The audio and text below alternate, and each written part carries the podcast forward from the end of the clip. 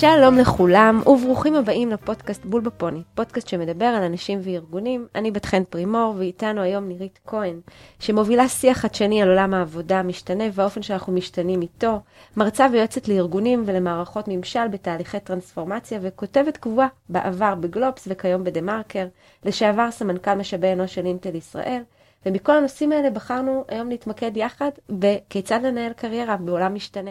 שלום, נירית יקרה, ברוכה הבאה. שלום וברכה, איזה כיף להיות כאן. אני ממש מתרגשת ברמות של כלה, בחיי. אני חושבת שזה נורא יפה איך בול בפוני צמח ככה לפודקאסט מצליח. תודה רבה. מגיע לך המון מזל טוב, הוצאת אה, ספר לפני כמה חודשים, המדריך לקריירה בעולם משתנה.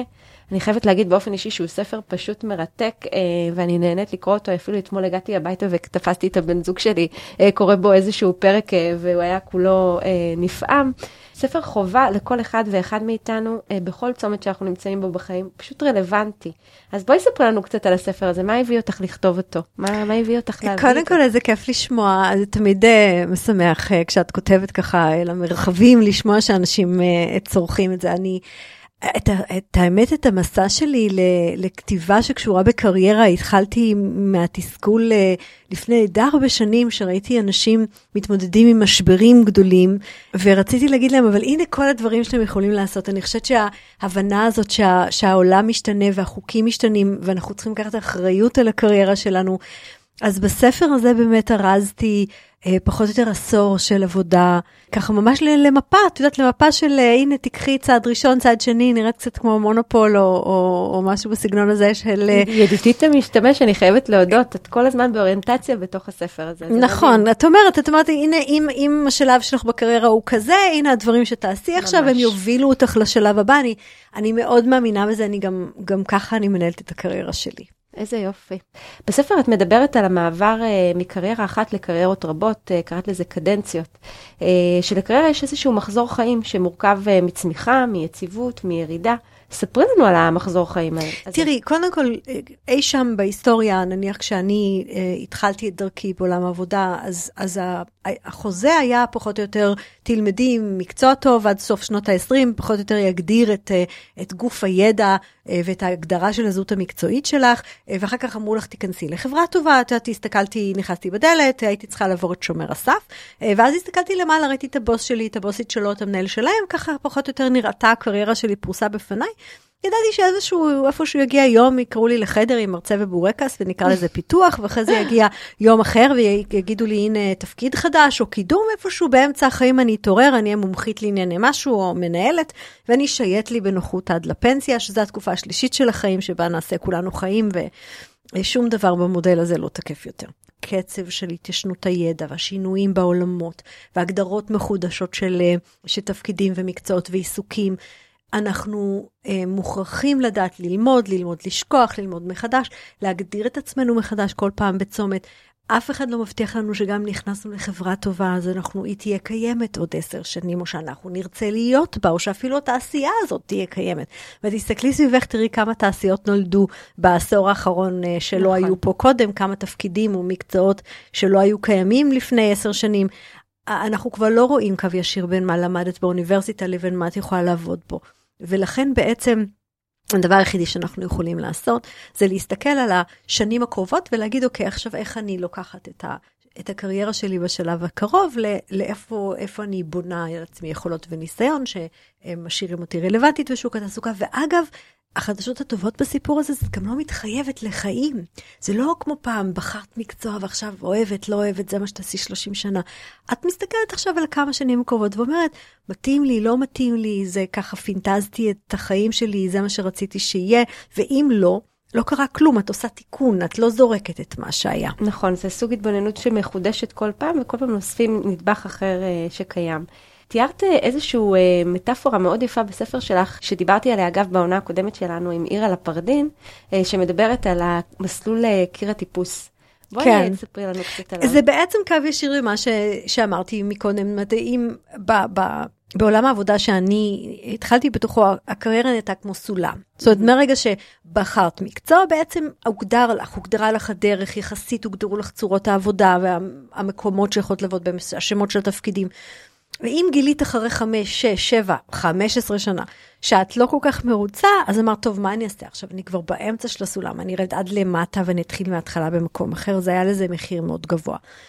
היום זה נראה הרבה יותר דומה לקיר טיפוס. עכשיו, לדבר הזה יש יתרונות וחסרונות. בקיר טיפוס, יש כמובן יתרון, כי אם אני עכשיו מטפסת ולא כל כך נוח לי או מתאים לי להמשיך לטפס בזווית שהייתי בה. אני יכולה להוריד את הרגל, את ימינה למטה ולטפס ממקום אחר, שזה פחות או יותר להחליט שאני אני לומדת איזושהי מיומנות חדשה, או אני עושה איזשהו שינוי קטן ואני אה, זזה, זזה קצת הצידה ומטפסת עכשיו על ערוץ אחר. החדשות אה, אה, היותר מורכבות, שזה מה שרובנו רואים, זה שהדרך פחות סלולה ומוגדרת. את מסתכלת על הקיר הזה, את אומרת, אוי, כן, מה אני אעשה עכשיו? זאת אומרת, בסולם זה נורא קל, הנה השלב הבא, וקיר טיפוס, את צריכה לבחור אותו, ואנחנו צריכים ללמוד, להסתכל בעצם על השלב הבא ולשאול מה בא לי לעשות, מה אני יכול לעשות, איך אני יכול להתאים את היכולות והניסיון שלי למשהו שקיים היום בשוק, גם אם קוראים לזה משהו קצת אחר. אני חושבת שגם מאוד מעניין להסתכל על הקיר טיפוס הזה מנקודת מבט של ארגונים, שזה בהקשר בעיקר של אה, אופטימיזציה של ההון האנושי בארגון. איך הארגון בסוף ממצה את האנשים שלו אה, בצורה מיטובית, גם אה, בטווח הקצר וגם בטווח הארוך.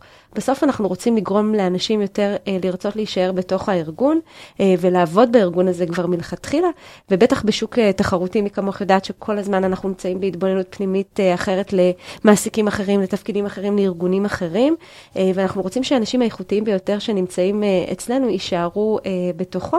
ולאורך כל הדרך אנחנו רוצים שאותו בן אדם שנמצא באותו ארגון יהיה בתחושה אה, שהארגון שבו הוא עובד זה הבחירה הנכונה ביותר עבורו. והקיר הטיפוס הזה באמת אה, יכול לסייע לארגונים אה, להקטין את האחוז של העובדים שלו ברגע שהוא בעצם מטייב אותם למקום אחר בתוך הארגון. אני יכולה להגיד אפילו הבן זוג שלי עבד שמונה שנים באותה חברת הייטק, אבל הוא עשה שישה תפקידים שונים שכל הזמן פיתחו אותו והובילו אותו למה שהוא היום נמצא בצומת של הקריירה שלו. אני חושבת שזה גם חוסך המון זמן בסוף לארגונים בכל ההיבט של זמן התאקלמות, של, של זמן למידה, זמן של תרב, למידה של תרבות, וזה מטייב גם את תהליך המיון שנמצא בתוכו. אה, ובסוף זה מעלה גם את השביעות רצון של העובדים אה, בטווח הארוך. נכון, נכון לגמרי, אני ממש מסכימה, ויותר אפילו מזה אני אגיד ש... אה, קודם כל, זה, את צודקת ואמרת מקודם, הקונספט הזה של מסלולים הוא, הוא קצת אה, מניח שמישהו בא מלמעלה ומגדיר לך מה הדבר הבא הנכון, איך נראה מסלול, ודווקא ארגונים שמשכילים היום לשחרר קצת את, ה, את הצורך לשלוט ב, בתהליך ולתת לעובד להגדיר מה זה פיתוח עבורו, ו- אה, ויכולים לגלות בעצם שיש אה, מעברי תפקיד בתוך ארגון שמעריכים את, ה- את, ה- את החיים של העובד בתוך הארגון, את הוותק שלו, את הרצון שלו להישאר, בגלל שהם מפתחים לעובד יכולות ו- ומיומנויות וניסיון שהעובד רוצה לרכוש, אבל ארגון מלמעלה לא היה מסתכל על התזוזה הזאת ואומר, טוב, זה חלק ממסלול שאני מגדיר אותו, אה, נניח, נורמלי או רגיל. וקיר טיפוס בתוך ארגון לא חייב להיות אפילו תפקיד. תפקידים, זה יכול להיות משימות, זה יכול להיות הזדמנויות, זה יכול להיות, יכול להיות לחבור לאיזשהו פרויקט, וזה דורש אה, גם הסרת חסמים, זאת אומרת שהמנהל שלי לא יכול להגיד לי, אתה לא יכול ללכת לעשות את זה כי זה לא במחלקה שלי, וגם uh, יכולת uh, שקיפות שהעובד ידע מה יש ואיפה הוא יכול ללכת ליישם את זה. אז מה הם באמת הכלים שיכולים לעזור לנו אה, לנהל את השלבים ואת המעברים בקריירה? אחד הדברים שאנחנו צריכים לעשות זה לוודא שאנחנו מכניסים איזושהי מערכת שגורמת לנו לצאת רגע מהלקום בבוקר, ללכת לעבודה, לחזור הביתה לענייננו, לקום בבוקר, לחזור ללכת לעבודה, ואופס, עברו חמש שנים או שבע שנים, ואתה פתאום מגלה שאתה נהיית לא רלוונטי או, או, או, או לא כיף לך יותר, ואתה לא יודע מה לעשות עכשיו. אצלי זה מחולק ל... אמ, לשלושה מעגלים. בעצם זה כלים מהעולמות של אנשים, מהעולמות של זהות מקצועית ומהעולמות של התפתחות. אז בואי רגע נתעכב על כל אחד מהם. אה, למה אנשים הם אה, מפתח לקריירה שלנו? איך אנחנו יכולים לייצר הזדמנויות אה, שיהיו שם עבורנו? תשמעי, קודם כל אנחנו חיים בעולם מרושת. זאת אומרת, אנחנו זה הרבה יותר קל לעשות משהו ולהשיג משהו כשאתה מכיר מישהו שמכיר מישהו. למען האמת אפילו מחקרים מראים היום שהרבה יותר חשוב ממה את יודעת, להיות מסוגלת למצוא את מי שיודע את מה שאת צריכה שידעו. אז, אז הסיפור הזה של היכולת להגיע לאנשים אה, הוא מאוד משמעותי. עכשיו אנחנו... אה, משתמשים במילה הזאת ורשת ונטוורקינג וזה, וזה מעלה לנו כל מיני אה, מחשבות, אבל בסופו של דבר תחשבי על האנשים בחייך, יש לך פחות או יותר שלושה מעגלים, ורגע אני נצמדת לעבודה, למרות שאפשר להוציא את זה גם החוצה. יש לך את המעגל התפעולי, זה הרשת של האנשים שאת תכלס עובדת איתם, זה פחות או יותר 15 שאת נכנסת בבוקר לעבודה ואת, ואת מתקשרת איתם. יש לך את המעגל של הרשת החברתית, אפילו בתוך מקום העבודה, בלי קשר למעגלים החברתיים מחוץ למקום העבודה, יש את האנשים שאת אוהבת לשתות איתם קפה ולאכול איתם צהריים, ואת מדברת איתם במסדרונות. ויש מעגל שאנחנו הרבה פעמים מזניחות אותו, שזה הרשת האסטרטגית. Mm-hmm. זה האנשים שאנחנו נפגשים איתם, לא שיש לנו סיבה, זה לא שלהתקשר עם סיבה, להגיד יש משימה, יש משהו לעשות, וגם לא, מזמן לא התראינו לקפה כי אנחנו חברות, זה אנשים שפגשנו בכנסים, שעבדו איתנו בעבר ועברו מחלקה אחרת, שהם אה, עובדים באיזשהו מקום שמעניין אותנו, שהם רול מודל, שהם עשו משהו שאנחנו היינו רוצים להבין איך הוא. זה המקומות האלה שכשאת אומרת, אה, אה, כשאני צריכה לסגור איזה פינה, אז אני יודעת להרים טלפון למישהו בגלל שאנחנו מכירים, מספיק שדיברנו פעמיים איפשהו בחמש שנים האחרונות, אבל אנחנו מכירים מספיק בשביל שאני אסגור איתו את זה משהו, זה יהיה יותר מהר. הרשת האסטרטגית הזאת היא קריטית. דווקא בגלל שנמצאים בה אנשים שלא רואים את העולם מנקודת המבט שאנחנו נמצאים בה, הם יכולים לגלות לנו מה אנחנו לא יודעים שאנחנו לא יודעים. הם יכולים לשאול אותנו את השאלות שאם אנחנו תקועים על איזה פרדיגמה של טוב, הדבר הבא זה ככה, או ככה עושים את זה. יכולים לשאול אותנו פשוט את השאלה שתזרוק אותנו לרגע שנייה, אולי גם אפשר אחרת.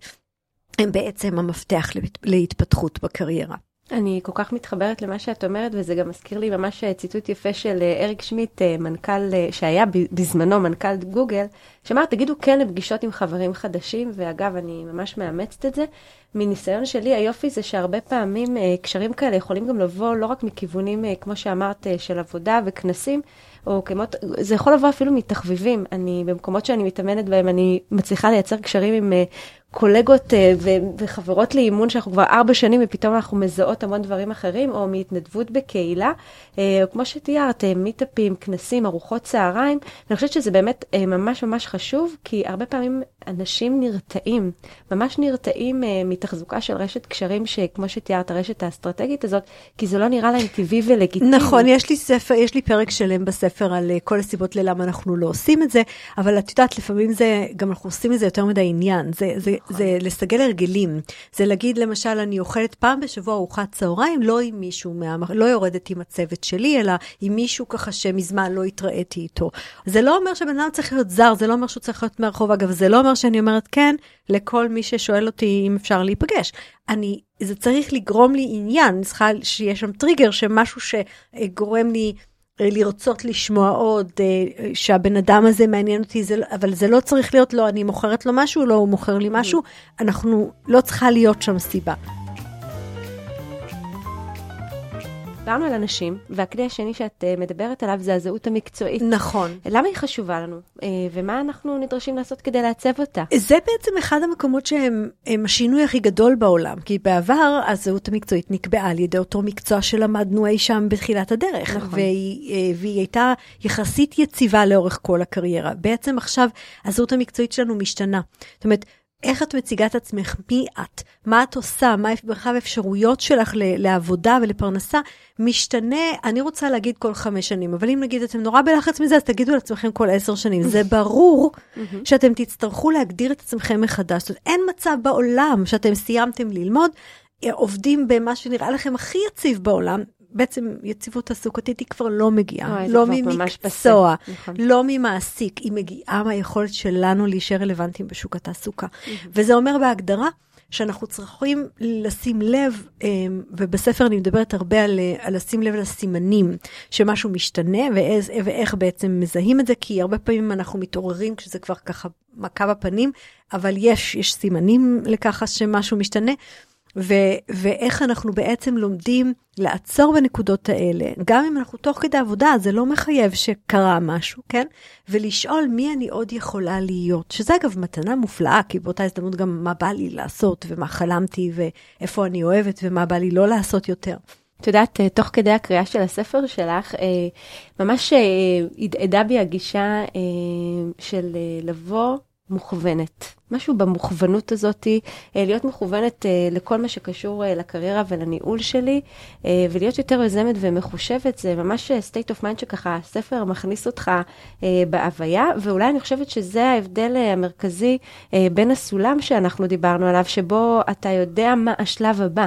אה, כי אתה מבין, אתה יודע, יש אה, תהליכים, אתה צריך להתקדם, אתה מתחיל כ- כסגן, אחרי זה מנהל ו- ו- וכהנה וכהנה. לעומת זאת, בקיר הטיפוס שדיברת עליו, אה, אתה כל הזמן צריך לתכנן את הצעד הבא, ואתה נכון. בוחר, נמצא כל הזמן בבחירה. ו- וכל בן אדם שיגש לקיר הזה, ייקח מסלול שונה לגמרי לעומת נכון. הסולם.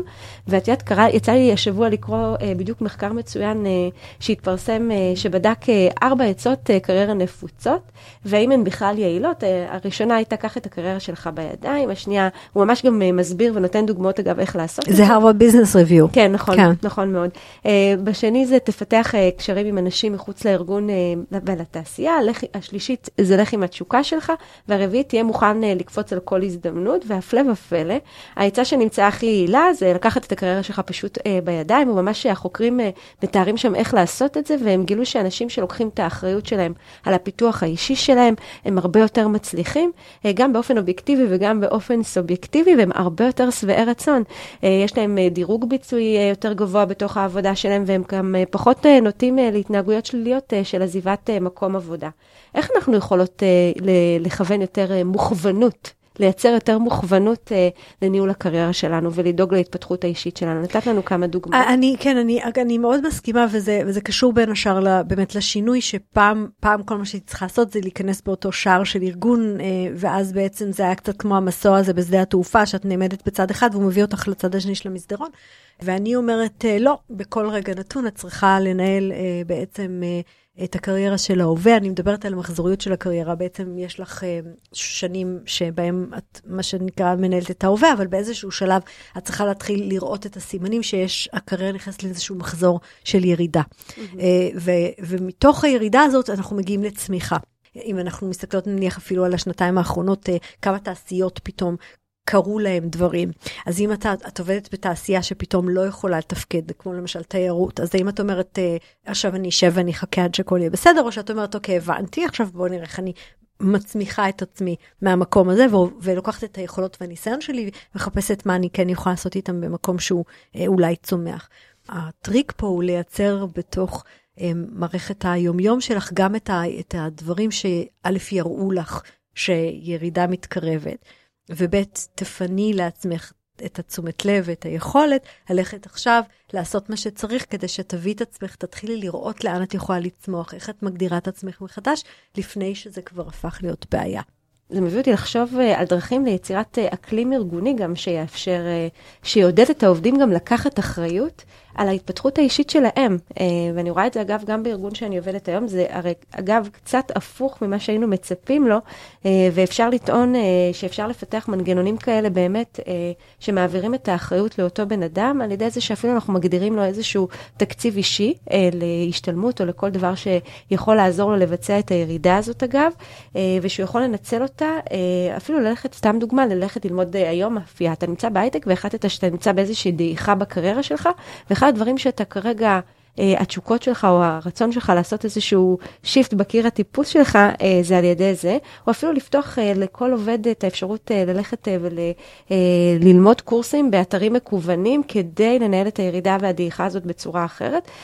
אז דיברנו על כלים להווה. ודיברנו על זה שאנחנו נמצאים בעשייה, ובאמת הכל טוב והכל יפה, ובספר את דיברת על זה גם עכשיו, על הניהול הירידה, שבו אנחנו מזיז, באמת מזהים את הזמן הנוכחי הזה שהוא כבר לא רלוונטי, ושיש איזשהו שינוי שמשמעותי לבוא, ואנחנו מתחילים להיערך לקראתו ולקראת העזיבה שלנו. ולנהל חושב... את זה, אגב, במקום להתנהל בתוך זה. ממש ככה, את כל כך צודקת. גם אני חושבת שההכרה פה היא נורא נורא קריטית. אני יצא לי לראות uh, מנהלים, ואנשים, גם במשפחה וחברים, וגם איפה שאני עובדת, ש...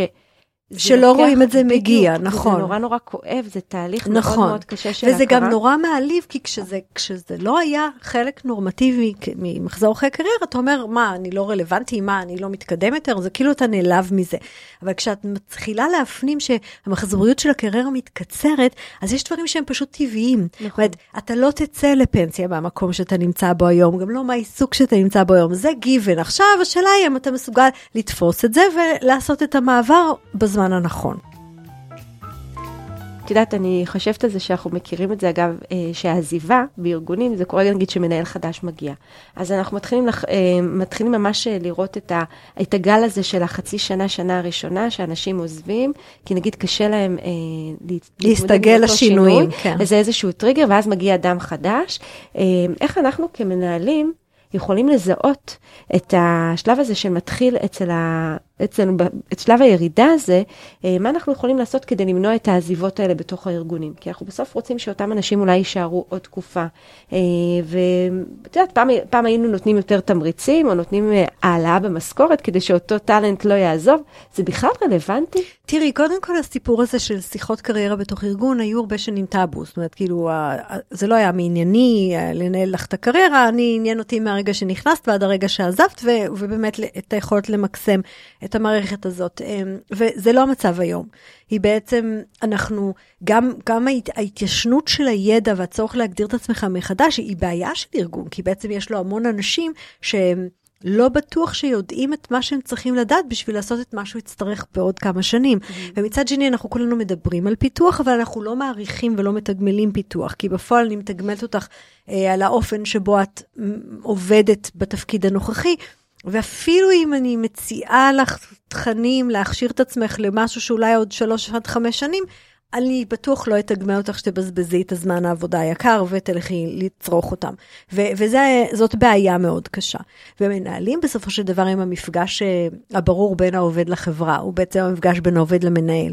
אז ככל שמנהלים יהפכו להיות יותר אה, מפתחים, כמו שהם חושבים על עצמם, שגם העובדים שלהם רוצים להישאר רלוונטיים, לעסוק בדברים שמעניינים אותם, שהם יהיו הרבה יותר מחוברים ומוכוונים כשהם יעבדו ממקום של, של זה, זה אכפת לי ממה שאני עושה, הפוטנציאל שלי מנוצל.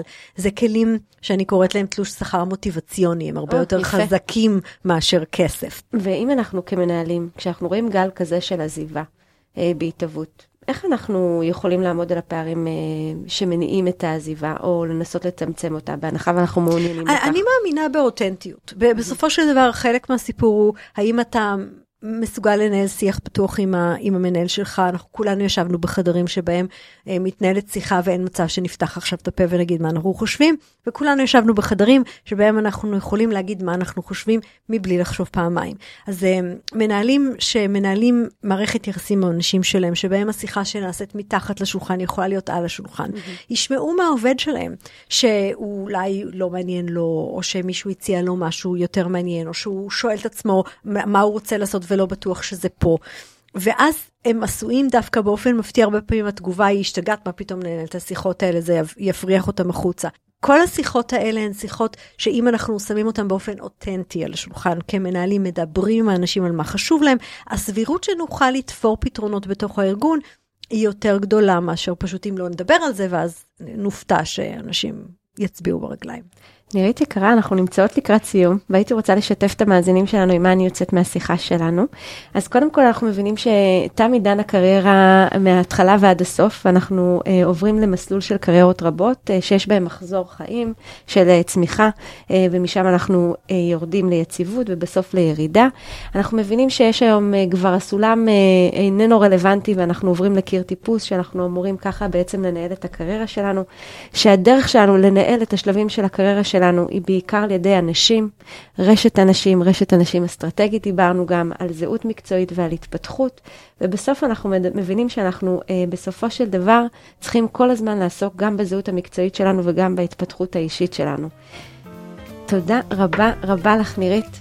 תודה שאירחת אותי, היה מרתק. גם איתך. להתראות. ביי. ביי ביי.